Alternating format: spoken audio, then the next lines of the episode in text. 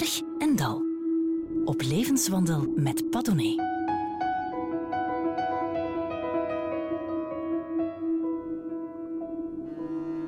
Houtekiet trapt het af. Zo noemt hij zelf zijn opruststelling. Want uh, ook radiomensen gaan met pensioen tot spijt van wie het benijdt. Welke waren Jans mooiste radiomomenten ever? En wie moeten we op zijn uitvaart draaien? Niet dat het al zover is, bij lange niet. De toekomst lag deze oudere jongeren tegemoet, maar je kunt toch maar beter goed voorbereid zijn. Dag Jan, zit je op een berg of zit je in een dal? Ik zit uh, vrij constant op een berg en ik vind dat zorgwekkend in die zin dat uh, het dal onvermijdelijk ooit komt. Uh, het komt niet op verzoek, het komt op een moment dat je het, dat je het niet verwacht. Na je pensioen? Dat heb ik niet gezegd. Maar nee, maar ik vind dat. Ik maak me daar. Als ik me ooit eens zorgen maak, dan is het. Uh, dat, dat ik het gevoel heb van op een, een, soort constant high. En daar moet onvermijdelijk wel eens een dal komen. En ik probeer het zo lang mogelijk uit te stellen. En hoe lang ben je al high? Van, uh, van, van in de wieg, vrees ik. Ik kan me, ja, nee, je, je hebt, iedereen heeft zijn dipjes wel eens op, op, op persoonlijk, op professioneel, op amoureus gebied, uh, wat dan ook. Dus die dipjes die komen onvermijdelijk, maar daar, uh, die hebben nooit lang geduurd en die, hebben nooit, die zijn nooit uh, terminaal of fataal geweest. Onverwoestbaar optimistisch. Ja, mag het? ja, maar ik ben altijd beducht voor optimisten. Zij, proberen, zij zijn praatjesmakers. Zij proberen je een vrolijke wereld te verkopen. Ik heb niks te verkopen, Pat. Ik kom ongewapend, niks in de handen, niks in de mouwen.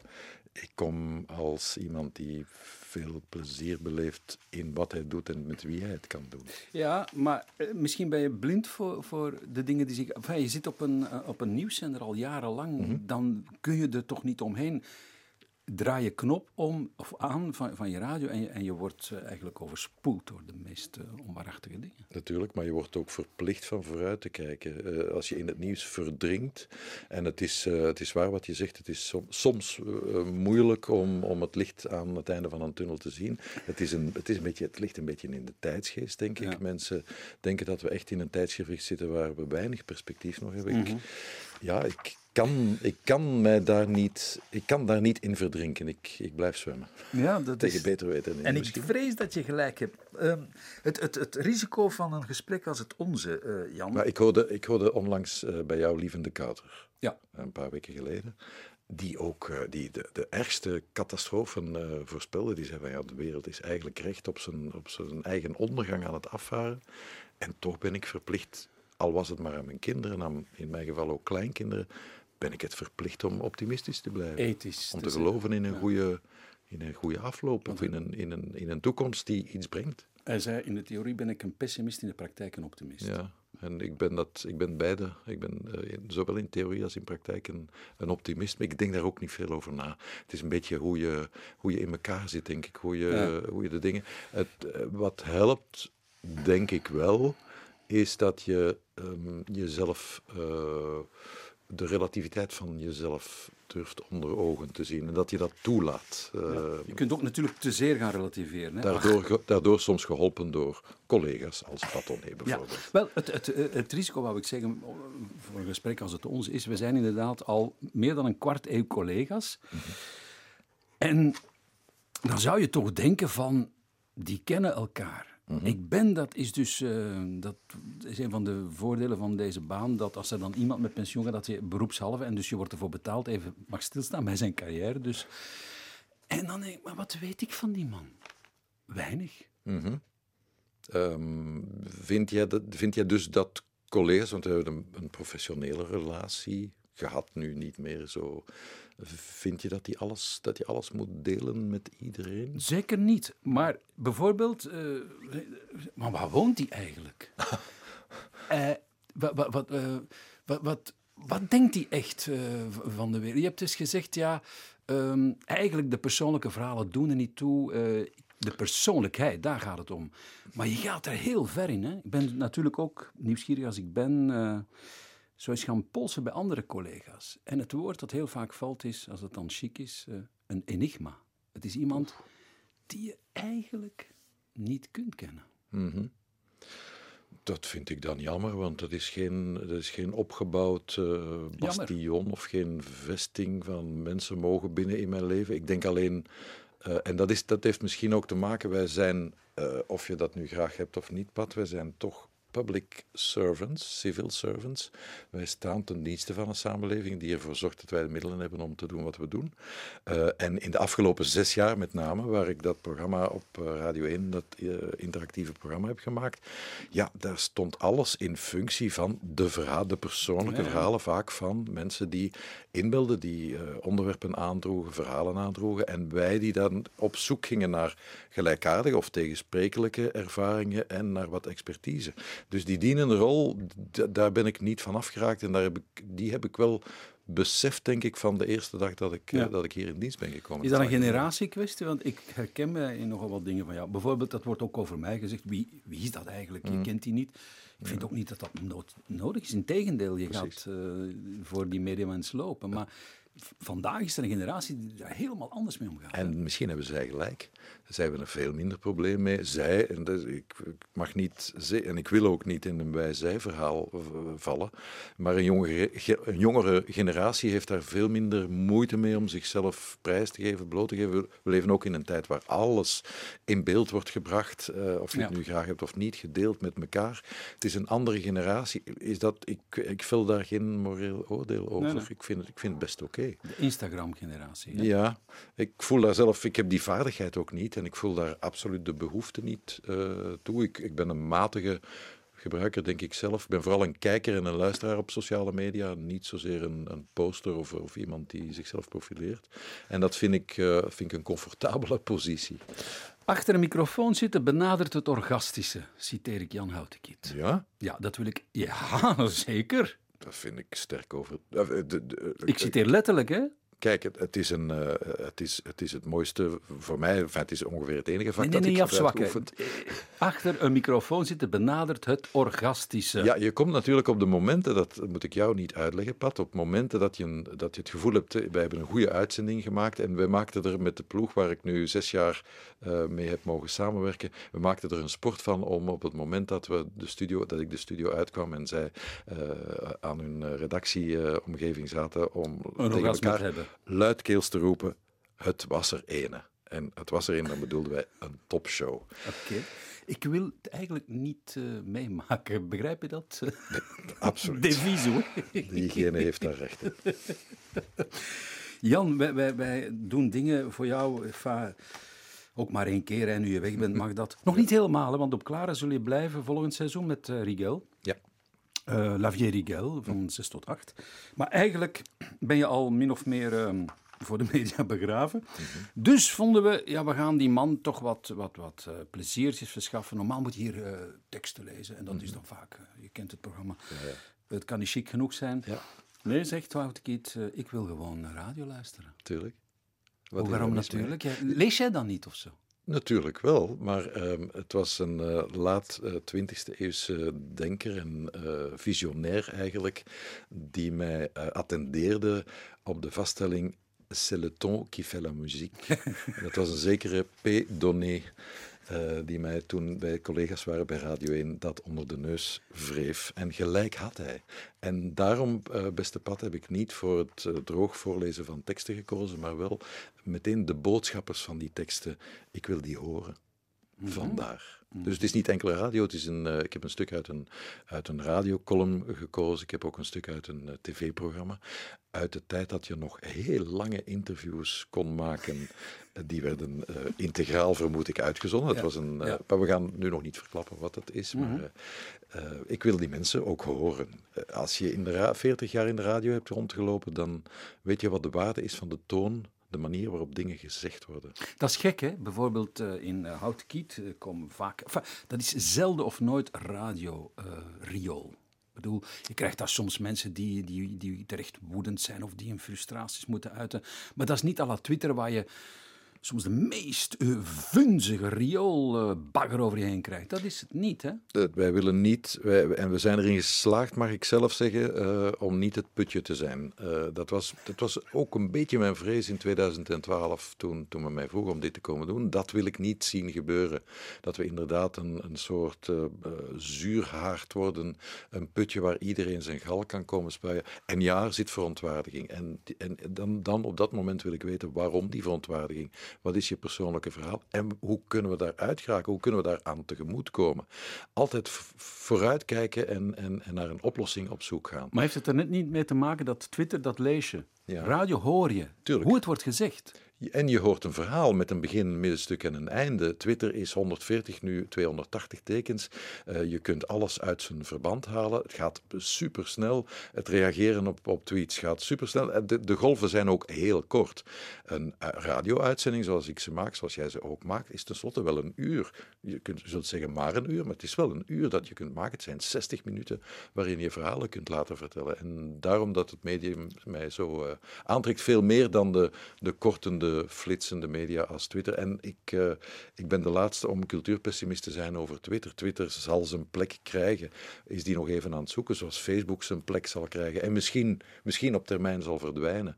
Uh, maar we moeten daardoor en we leren daar, denk ik, als samenleving ook uit hoe we beter met elkaar in conversatie kunnen gaan. Beter. Vind je de manier waarop wij met elkaar omgaan. En dan heb ik het niet alleen over Twitter, Facebook, noem maar op, social media. Misschien zelfs ook uh, gewoon dagelijks. Ja. Is dat nog, uh, is dat hoffelijk? Overwegend of is dat uh, overwegend brutaal? Je, je, benoemt daar iets wat ik zelf met, het, met exact dezelfde term uh, benoemd heb. Ik heb altijd nagestreefd zelfs in de periode dat ik op Studio Brussel met andere dingen bezig was, toch een vorm van hoffelijkheid. En dat vond ik zeker voor de afgelopen zes jaar bij Radio 1, vond ik dat bijna een conditio sine qua non, dat je respectvol en hoffelijk met, met luisteraars omgaat en hen de kans geeft om dat verhaal te vertellen. En toch kreeg ik uh, geregeld het verwijt, je laat de mensen niet uit spreken. Dat heeft alles te maken natuurlijk met de dwang van de klok. Je werkt oh. uh, tegen de klok. Je zult dat toch ook wel hebben gezien wat er allemaal over jou wordt geschreven? Tuurlijk. Over onze. Enfin, een misogene klootzak, uh, als ik even mag uh, nee, nee, nee, nee, nee, een misogyne zak. Een klootzak ook hoor. ah, klootzak ook. Ja, ja. Okay, prima, prima. Ah, je, zie je, kent hem bijna uit het hoofd.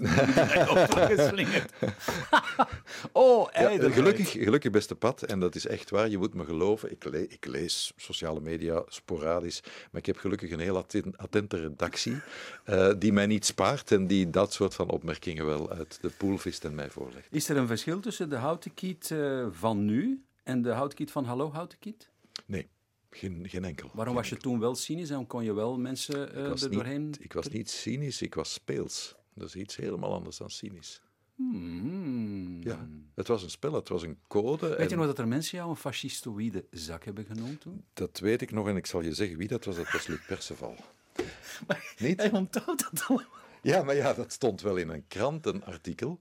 Ja. Uh, naar aanleiding van de. Mensen herinneren zich misschien dat ik toen ook af en toe eens een, een uh, klemtoon, een regionale klemtoon, imiteerde. Met name de Limburgse tongval. Als die uh, te horen was, dan ging ik daarin mee en imiteerde ik die. En dat viel heel slecht bij, met name bij Luc, omdat hij vond dat ik me neerbuigend uitliet over de, de Limburgers, of de West-Vlamingen of de Oost-Vlamingen maakt niet uit. En dat ik mij dus bezondigde aan uh, fascistoïde technieken. En dat, uh, dat viel bij mij toch wel heel zwaar. Want als ook er, na al die jaren? Kennelijk. Uh, ook na al die jaren. Je bent, toch, je bent een beetje van Teflon, maar toch niet helemaal. Ik zou het nu, nu zou ik er, um, we zijn 20 jaar, en, nee 25 jaar verder, ik zou het nu makkelijker klasseren. Dat ging toen iets moeilijker. Ja, ja, ja. Jan, jij speelt zich je. Ik, ik vind bijvoorbeeld de, de, de houtkiet waar ik ontzettend van hou.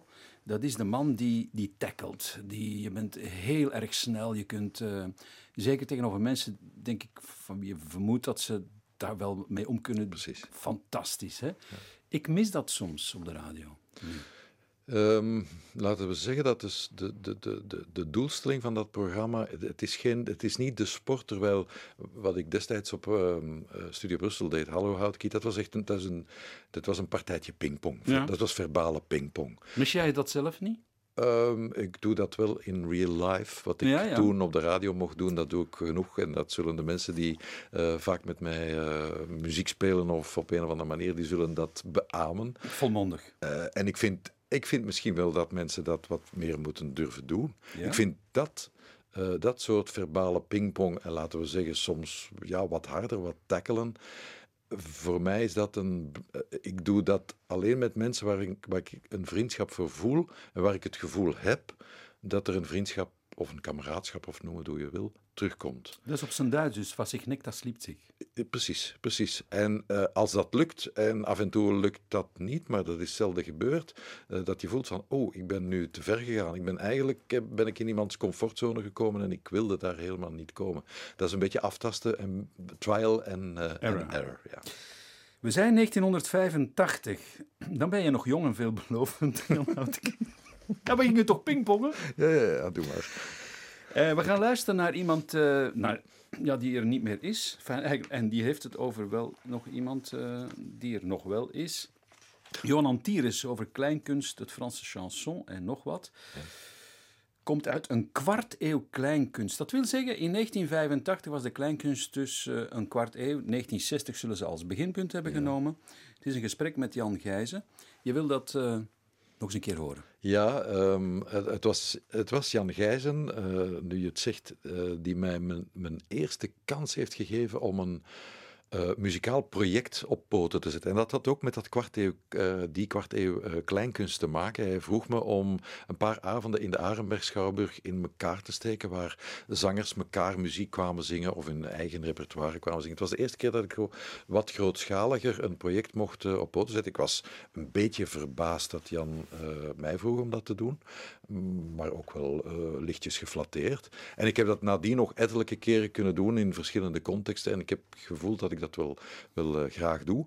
En het is, eh, zoals je zegt, het was toen ook een, een reeks tv-programma's, denk ik, waar de klok niet ongenadig tikte en Jan Gijzen, hij was de interviewer, de, volop de tijd kreeg en de spreker, Johan Antieres, bevlogen spreker, heerlijke man, volop de tijd kreeg om de lof te zingen van dat chanson in het algemeen. Hij was een chanson-liefhebber, heeft eh, mijn, eh, mijn vriend en radiocollega Patrick Rigel, toen wij een, eh, vlak voor zijn dood, een paar jaar voor zijn dood, mochten we voor Radio 1 een avond vullen met repertoire van Brel.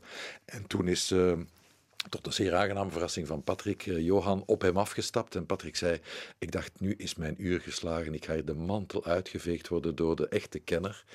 En eh, Johan is hem toen blijkbaar komen zeggen: Je hebt dat heel goed gedaan. En ik waardeer heel, heel erg hoe je dat eh, aangepakt Ik hebt. weet niet of je dat nog eens voor de ruit had moeten zeggen, want hij loopt nu al naast zijn schoenen. Ja, kijk, maar toch, toch was het zo. En zo iemand die zo ongenadig was in Ja, zijn oordeel, zet eh, de Vlaamse kleinkunst af tegen het canvas van dat eh, Frans, vooral Franse chanson. Voor de jongere luisteraartjes onder ons, Johan Antier, journalist, eh, bij KNAK begon hier op eh, VRT ook legendarische programma's mee mogen maken. Satirisch weekblad De Zwijger. De Zwijger, juist. Hij was een kenner van het chanson. Heeft hier trouwens op de radio al jarenlang een programma gehad over het Franse Een chanson. kenner en een liefhebber ook. Een liefhebber, hè? Ja, ja, ja. Dat maar om te zeggen, hij kan ook ontzettend filijn zijn. We gaan Jan Gijzen zelf niet horen. Nee. Alleen maar Johan Antieres, bijna drie minuten lang. Ik weet dat ik de reputatie van nestbevuiler heb. En ik vind, ik heb het daar een beetje moeilijk mee. Maar als ik die Vlaamse kleinkunst overschouw, voor zover ik dat nu kan doen, dan komt daar niet veel positiefs uit tevoorschijn. Eh, ik bedoel daarmee dat ik de Vlaamse liedjeszangers een gebrek aan discipline verwijt. eh, gebrek aan wilskracht, aan arrogantie, aan geloof in zichzelf om eh, door te breken, om zich te overtreffen, om verder te gaan dan dat soort ambtenarenlijntje dat ze voor zichzelf getrokken hebben en waarvan ze dan verwachten dat iedereen ze helpen zal en lief voor ze zijn. En ik vind al die mensen persoonlijk, voor zover ik ze ken, lief en vriendelijk en aardig en sympathiek. Maar misschien ligt daar ook de wortel van het kwaad in, te weinig karakter. Het blijft allemaal blubberen. En eh, ik neem dat de meeste van die artiesten kwalijk. Ik vind dat, ze, dat het hun persoonlijke fout is, dat hun ambitie niet ver genoeg reikt. Neem van het Groene Woud, vind ik een super persoonlijkheid. Dat vind ik een prachtige man. Je ondergaat bij alles wat hij doet zijn intelligentie, zijn heel persoonlijke levenswandel. Die laat zich niet strikken uh, voor een of andere sfeer. Die laat zich niet door de sfeer gijzelen. Die, die zoekt zijn eigen weg op een indrukwekkende manier. Maar in de liedjes, voor zover ik ze ken, ik ken het repertoire niet zo goed, ben ik toch weer ontgoocheld. Dat ik denk, ja, je maakt je er toch weer met een grapje vanaf. En dat kun je eens doen, dat kun je nog eens doen.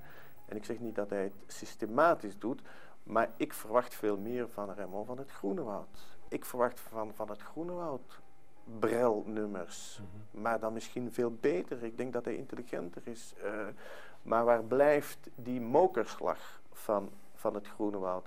Dat, ik zeg dat nu als amateur, als liefhebber. Hij doet uiteraard met alles. Uh, zijn leven en zijn carrière wat hij wil.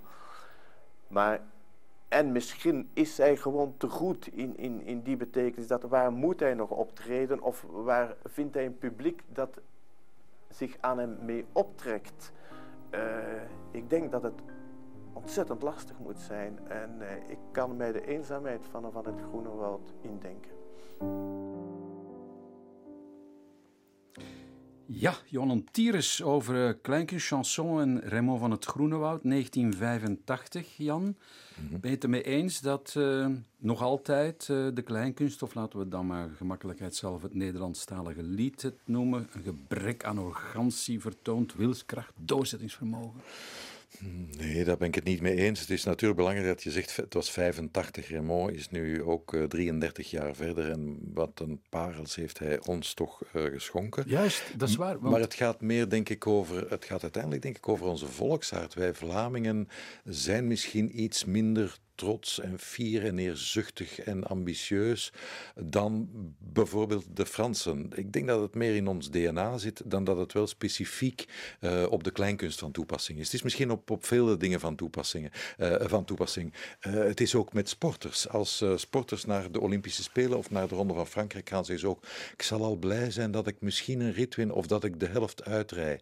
Dus die, die, dat hebben Nederlanders ook veel meer dan wij. Het is de Vlaamse volk die wat nederig is, wat uh, afwachtender, wat, uh, wat kleiner, uit een kleinere underdog-positie vertrekt, om dan toch uiteindelijk, en Raymond van het Groenewoud is de mooie getuige ervan, een indrukwekkend oeuvre neer te zetten. Ja, want uh, in 1989 zal hij Je veux de l'amour maken. Dat is dus na dit... -hmm.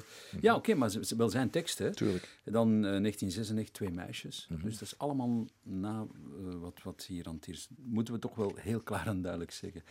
Uh, stoort je dat trouwens, dat het gebrek aan uh, ambitie van de Vlamingen? Of zeg je van, ik herken mij daar wel een beetje? Absoluut. Ik, uh, ik ben niet aan...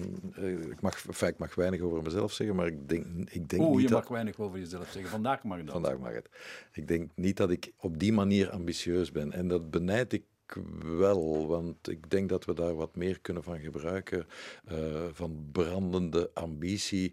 Uh, als, je, als je een paar weken in New York, om maar iets te noemen, rondloopt, ja, dat is wel een, een ander paar mouwen ja. wat daar gebeurt. Ja. En daar hebben wij misschien wat te weinig van. Maar dat is wie we zijn.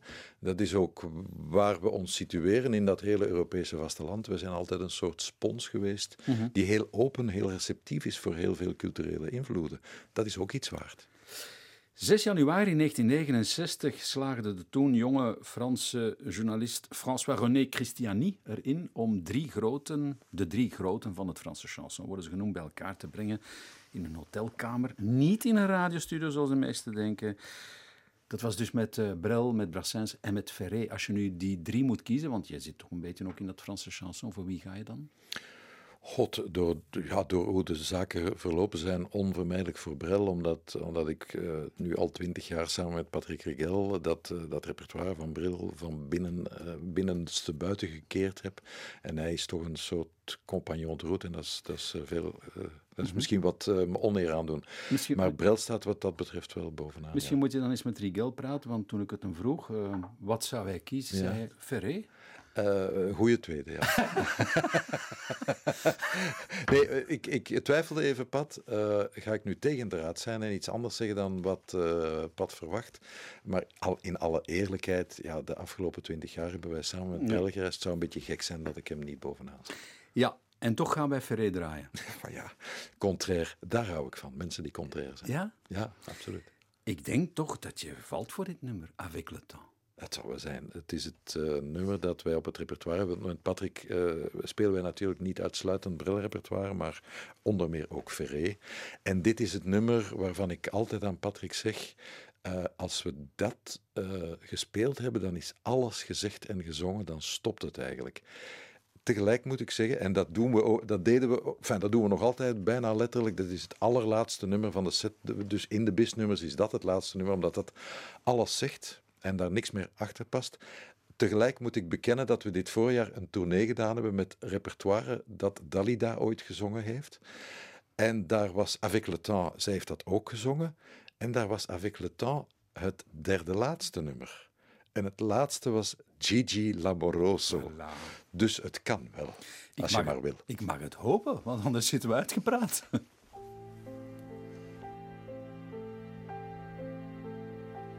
Avec le temps. Avec le temps va, tout s'en va. On oublie le visage et l'on oublie la voix, le cœur. Quand ça bat plus, c'est pas la peine d'aller chercher plus loin. Faut laisser faire et c'est très bien.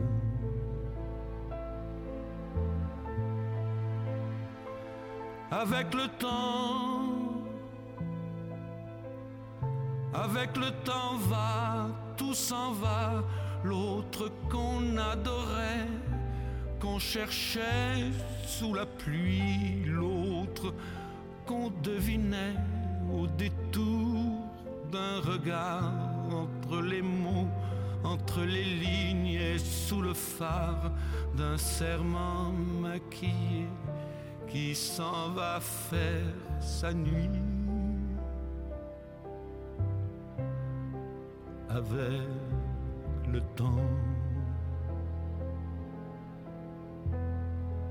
Tout s'évanouit.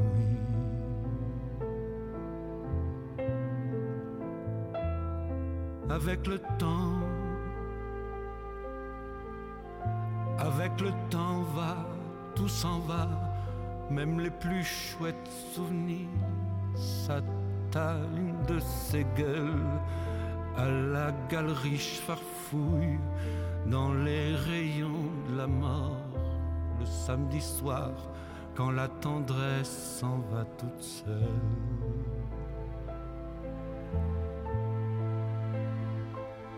Avec le temps,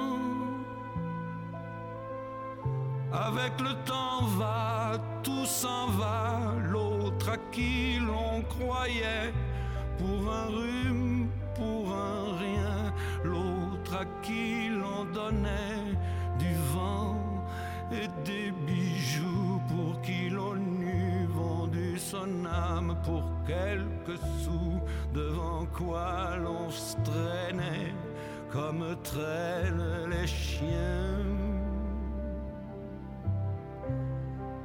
avec le temps. Va, tout va bien. Je moet van beton zijn om hier aan te weerstaan. Midscheeps in het hart, avec le temps, avec le temps va, tout s'en va. Ja, met de tijd uh, gaat eigenlijk alles uh, voorbij. Jan Houtkiet hier bij mij zit, uh, zingt Leo Ferré. Is dat zo? Wat blijft er dan nog over, of niks?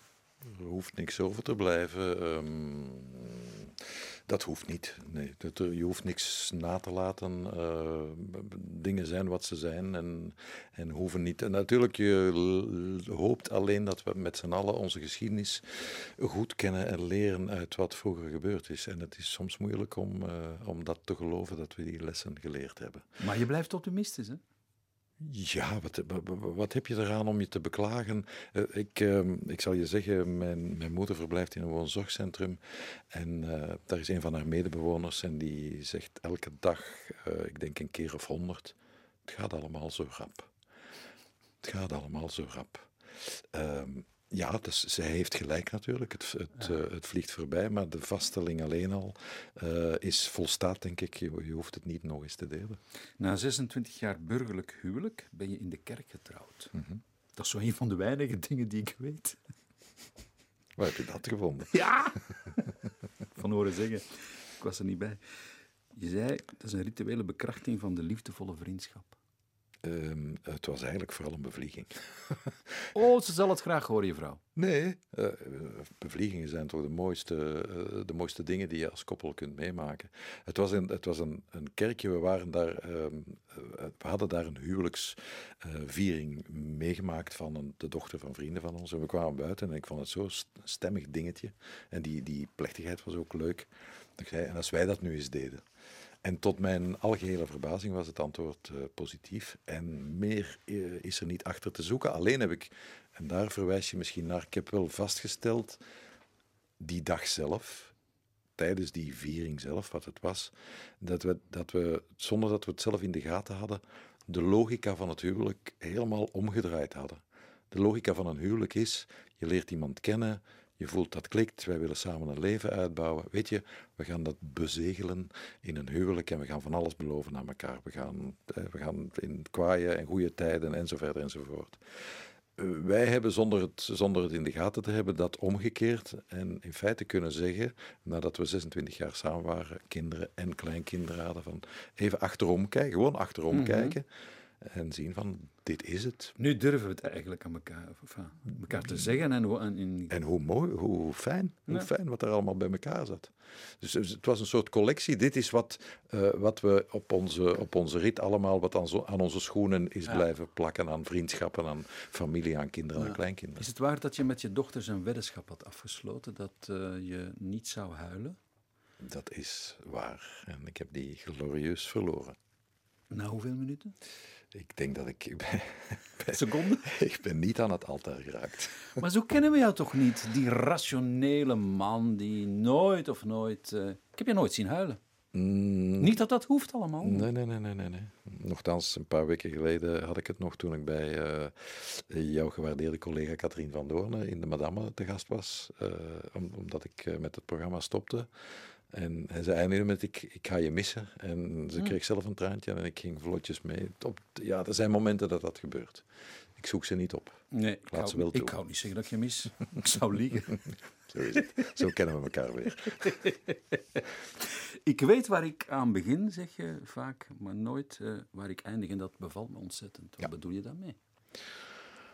Ik, uh, ik, ik, ben, ik, durf me wel eens, mezelf wel eens uh, in, in jeugdige, of nu ondertussen minder jeugdige overmoed aan projecten wagen, waar, waarvan ik me op een bepaald moment afvraag van, oeh, is dat niet boven mijn, boven mijn kunnen getild? En hoe ga ik dat tot een goed einde uh, brengen?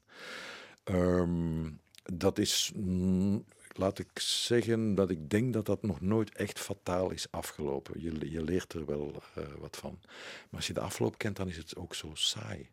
Uh, en, en ik denk dat dat als ingesteldheid, ik, ik raad het mensen ook altijd aan, in professionele, maar ook in het persoonlijke leven, als je dingen nastreeft, hè, als je voor jezelf zegt, dat doel wil ik bereiken. Natuurlijk, een sporter, een professionele sporter, kan bijna niks anders. Als je zegt, ik wil een wereldrecord of een Belgisch record verbeteren, ja, dan moet je alles doen om dat te doen. Uh, en dat is een ijzer, dat in, in eerste instantie een ijzeren discipline. Maar je weet ook dat dat voor beperkte uh, tijd is. Maar als je te veel naar vooraf omschreven doelen gaat streven, ja, is de kans op mislukkingen en, en de bijhorende ontgoocheling uh, te groot. En dat wil ik mezelf niet aandoen. Ja, en ik hoop dat mensen zichzelf dat niet te veel aandoen. Ja. Even voor we naar uh, My Funny Valentine gaan. Niet uh, met Chad Baker, maar met Jan Houtekiet. Ik ben benieuwd hoe je gaat klinken. Um.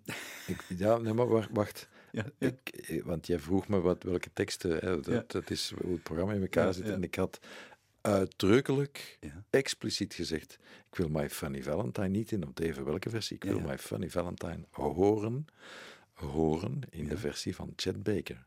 Ja. Ik herinner je nogmaals aan die stelling van de denker en visionair uit de late 20e eeuw, Patonnet, c'est le ton qui fait la musique. Wel, net daarom.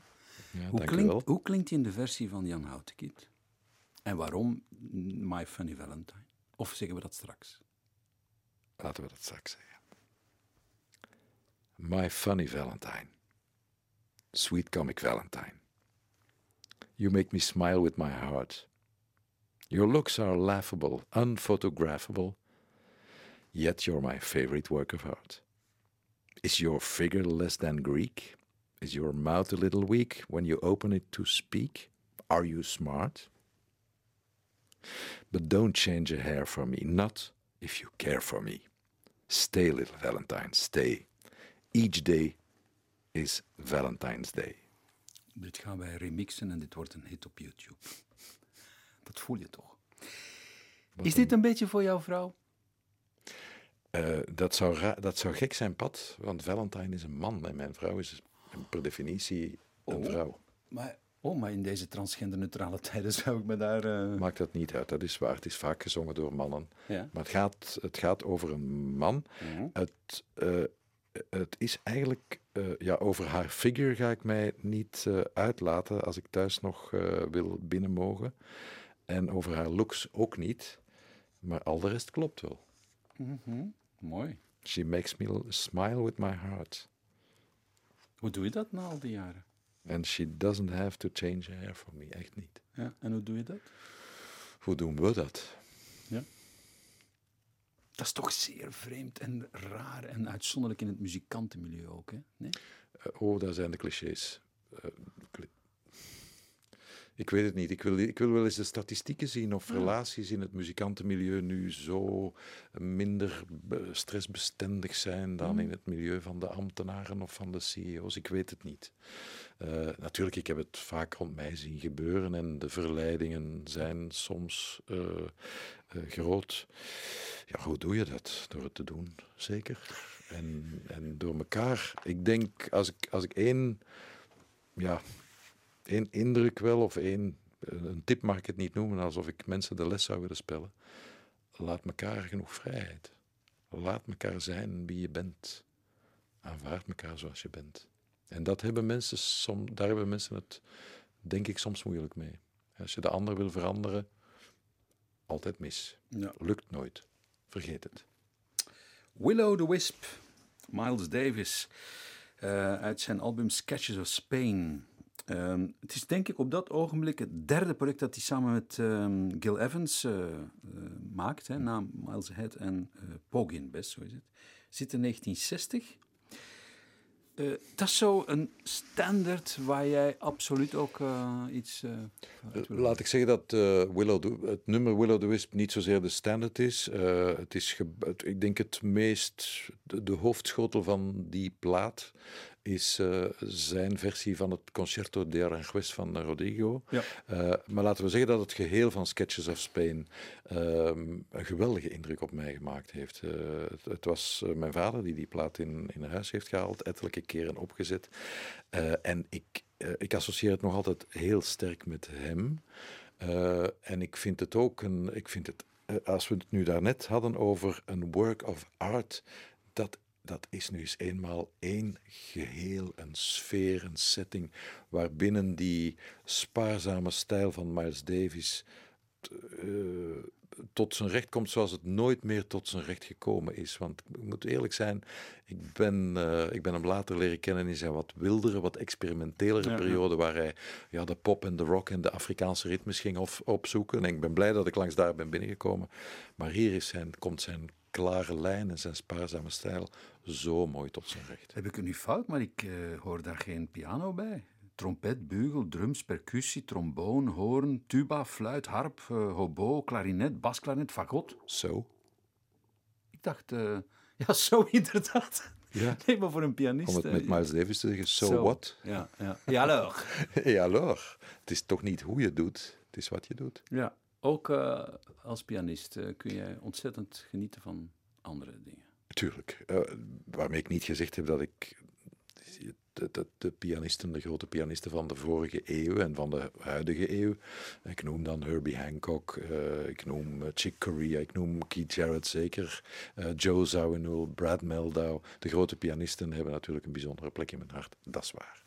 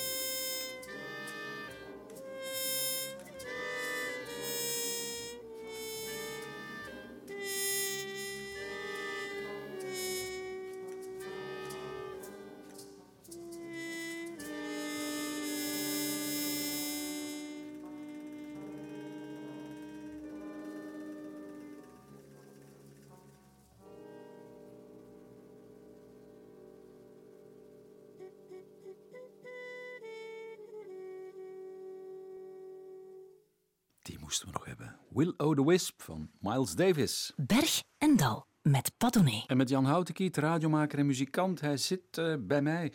Jan, je wilt nog voor je sterft de rol van Zattenonkel vertolken in een amateurstuk en een gospelmis in Harlem spelen. Ja, dat was. Uh, ik weet waar je naar verwijst. We hebben ooit een uitzending gemaakt over de fameuze waar is de tijd? Bucketlist, dat is een twee, drie jaar geleden, die Ice uh, Challenge, waar je een, een bucketlist uh, moest maken. De fameuze bucketlist. Uh, en ik, mijn redactie verzocht me dan vriendelijk, wil je ook een bucketlist maken? Ik zei, no way. Over mijn lijk, maar ze hebben mij toch zover gekregen. En ik heb er een loopje meegenomen. Ja, ja, ja, dat is weer de ironie. Maar hè? er zat een onkel in het toneelstuk, wil Kan- ik graag spelen. Kan niet moeilijk zijn. En de gospelmis, daar kan ik alleen maar van dromen dat ik daar ooit zal spelen. Is dat zo, de laatste? Ja, ja, tuurlijk. Ik, heb je al eens een gospelmis meegemaakt in Haarlem? Fantastisch. Dat, uh, dat, uh, ik kom nog niet aan de, aan, de, aan de tenen van die mannen die daar muziek uh, zitten maken. Maar ik, ga er wel, ik, ga, ik zit er wel graag in, ja. Maar is dat nu valse bescheidenheid? Nee, nee, nee. Dat is zelfkennis, Pat. Zelfkennis. Je moet dat eens proberen. Ja? Ja, echt waar. je moet weten wat je kunt. En die zat maar... een onkel. Uh, daarvan weet ik ook niet of ik dat uh, zal kunnen, maar ik wil wel eens, dat wil ik wel eens proberen. Misschien lijkt me iets. De Dijlenzone in Mechelen. Ja, ja, ja graag, graag, graag. Trouwens, die fameuze afscheidstournee die je hebt gemaakt uh, door vijf steden. Ja. Hasselt, Gent, of de meest uh, onbenullige steden eerst. Leuven. Mechelen zat er niet bij. Hè? Ja, dat, zijn we, dat hebben we rechts of links laten liggen. Ik ja. er vanaf zijn. Het is 1998. Sportverslaggever Jan Wouters neemt op zijn laatste werkdag in de lift afscheid van zijn microfoon, net voordat hij die zal inleveren bij Bert de Graaf, de toenmalige baas, voor wie het niet meer weet. Dat was een opdracht die we hem hadden gegeven in levende lijven. Jij wil die opnieuw horen? Ja, ik heb hem dat uh, horen doen ook bij zijn afscheid. Er was een soort radiobijeenkomst in Westrand in Dilbeek, herinner ik me. Uh, en daar heb ik met Patrick uh, Rigel ook uh, muziek gemaakt en hij zat daar nog eens komen doen. Dus dat heb ik de eerste keer gehoord, dat hij die tekst kwam brengen. Het is natuurlijk een, een, het is een beeld dat hij oproept, dat hij zijn microfoon zou moeten gaan inleveren. Het was de tijd waar je nog die zware bandopnemers had. Je hebt ze zelf ook nog op je schouder gehad, toch 20, 30 kilo als het niet meer was. En van die, van die massieve microfoons, ik weet niet of ze goed waren, maar ze zagen er wel struis stoer en stevig uit. En, en Jan gebruikte dat beeld dat hij zijn microfoon, zijn wapen, zijn instrument terug moest gaan inleveren bij de toenmalige grote baas. Uh, hij was op dat ogenblik twee jaar jonger dan jij nu bent, 60. Want dan moesten ze met pensioen op ja, 60, precies, weet je precies, nog? precies. Ja. Het is schitterende radio. Ja, hè?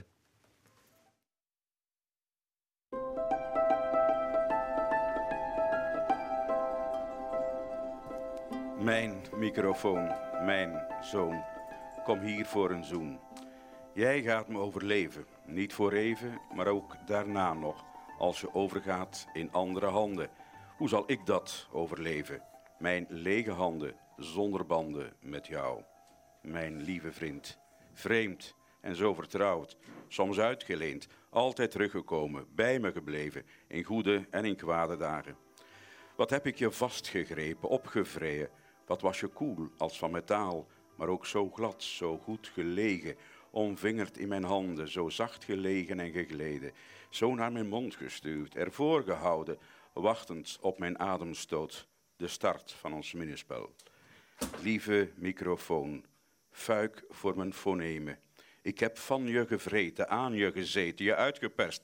Fijn gevreven daar van boven, als door een zeef. Ik weef die woorden op het stramien van je stalen netje, zo fijndradig opgespannen. En als hete thee stromen ze naar binnen. Aan lauwheid heb je niets. Jazeker, ik heb mij aan jou opgedrongen. Je in bezit genomen, in dronkenschap bijna. Zo bezield en bezeten. Mijn eisen gesteld ook. Tril dan mee, onbuigzame. Zinder, zodat ze luisteren met grooie oortjes. Dat jij aanbiedt, mede namens mij. Wij tweeën waren één, zijn het nog, niet lang meer. Maar ik stel het afscheid uit. De lift is al twee keer op en neer geweest. Straks breekt er misschien nog brand uit op de negende verdieping. Een ramp voor de aristocraten, bureaucraten van de nog te vernieuwen VRT. De nieuwe orde in gevaar. Maar wij, veilig opgesloten in onze koker, deze Kate van Faraway, klitten nog meer aan elkaar dan ooit tevoren. Ik lik je kopje, krijg een kopje terug, of is dat inbeelding? Is er hier maar één die handelt, en dat ben ik, ouwe Wouters. Je klemt je vast, je neemt hem nog eens beet, maar het klamme zweet staat je in de handen. Nog is hij van jou, die makkelijke, moeilijke microfoon. Want je bent er ook wel eens kwaad op geweest als hij zweeg, batterijen leeg, of nors deed, kraken, fluiten, als jij wou flirten met hem en de verre vreemde luisteraar. Maar toch, ik kon hem niet missen. Hier zie, nee maar, doe maar de graven. Ik heb mijn microfoontje niet meer nodig. Alsof Hillary Bill ooit zijn saxofoontje zou willen afstaan. Aan niemand toch, tenzij voor orale sax. I love you. Lampje uit. Lampje uit van Jan Wouters, de taalmagier, de bezweerde, de sjamaan. We waren Eén zegt hij over zijn microfoon, oude Wouters. Ja, ja. Goh, briljant geschreven. En dat is dan iemand, eh, als we daar nu over spreken, spreken we over de sportredacteur. Weet je nog wel, veel jonge mensen zullen hem misschien niet meer kennen. Een woordkunstenaar sans pareil. Want de, taal, daar hebben we het nog niet over gehad, maar je bent een grote pleider ook voor het eh, ja, Nederlands, maar dat, dat laten zingen eigenlijk. Hè? Dat, is, dat is ook een beetje jouw betrachting geweest, eh, heel je carrière lang, denk ik. Wow, nee, veel betrachting had ik daar niet, maar ik, het plezier van met taal bezig te zijn. Het plezier. Ik zeg het nog eens, het plezier van met taal bezig te zijn. En te vaak wordt, eh, wordt eh, enig plezier aan taal verward door mensen met je bent een taalnazi of een taalfascist, Ja. iemand die wil dat het allemaal keurig op de letter. Ik kan daarvan genieten als ik zo een Jan Wouters hoor. Wow, als je dit kunt, waarom zou je het dan niet doen als je het kunt? Precies. Moeten wij allemaal zo gaan praten? Nee, alsjeblieft niet. Ja, maar dat is bij mij niet dit ge- gegund is natuurlijk. Ja, maar het, hoeft niet allemaal zo te zijn. Maar laten we plezier beleven aan taal. En dan denk ik dat we een heel eind eh, verder komen. En laten we af van de, ja, de complexen die we in Vlaanderen misschien toch nog wel hebben over dat, eh, die taalbeheersing. Want een manifestatie vindt, gaat niet door, maar vindt plaats. Ja, Hoe en vaak dan, hebben we dat niet gezegd? ja, en dan hoor je nu stilaan, dat herinneren mensen zich nog, dat ik dat op Studio Brussel in Hallo Houtkiet eh, probeerde erin te rammen. en, kloppen, mensen, ja. en, mensen, en, mensen zeggen dan, ja, dat was eh, ja, van dat plaatsvinden en door. Maar wat was het verschil nu weer? dat zijn ze dan weer vergeten. En is dat erg? Nee, het is niet erg. Ik heb, ik heb hen wel attent gemaakt dat daar iets is. En eh, is taal iets wat kan evolueren? Want wat twintig jaar geleden niet kon, kan nu misschien wel. Moet nu. Vinden we dat erg? Dat is, eh, hopelijk is taal een levend ding. Jan Houtkiet, wat is eh, jouw credo? Oei, oei. Een credo. Wat wil je meenemen? Dat wil ik meenemen. Of aan het publiek kenbaar maken. Kijk, dit was het. God, nu overval je mij. Die, Ja. die vraag had ik hier niet verwacht. Nee, als je... Ik stel die maar elke week, dus... Ehm, eh, een uitdrukking die ik altijd heel fijn vind, die, waar je waarschijnlijk niks mee bent, eh, dat is de Brusselse uitdrukking om ja te zeggen. Ken je die? Nee? Aan open tijdre. Dat is een mooi... En ik vind dat een mooie attitude om in het leven te staan. Als iets je gebeurt of, of je, er staat iets je op te wachten, aan open tijdre. Eh, Ja, en dan komen we terug misschien op dat optimisme waar je het eh, er straks over had. Eh vooruitmettigheid.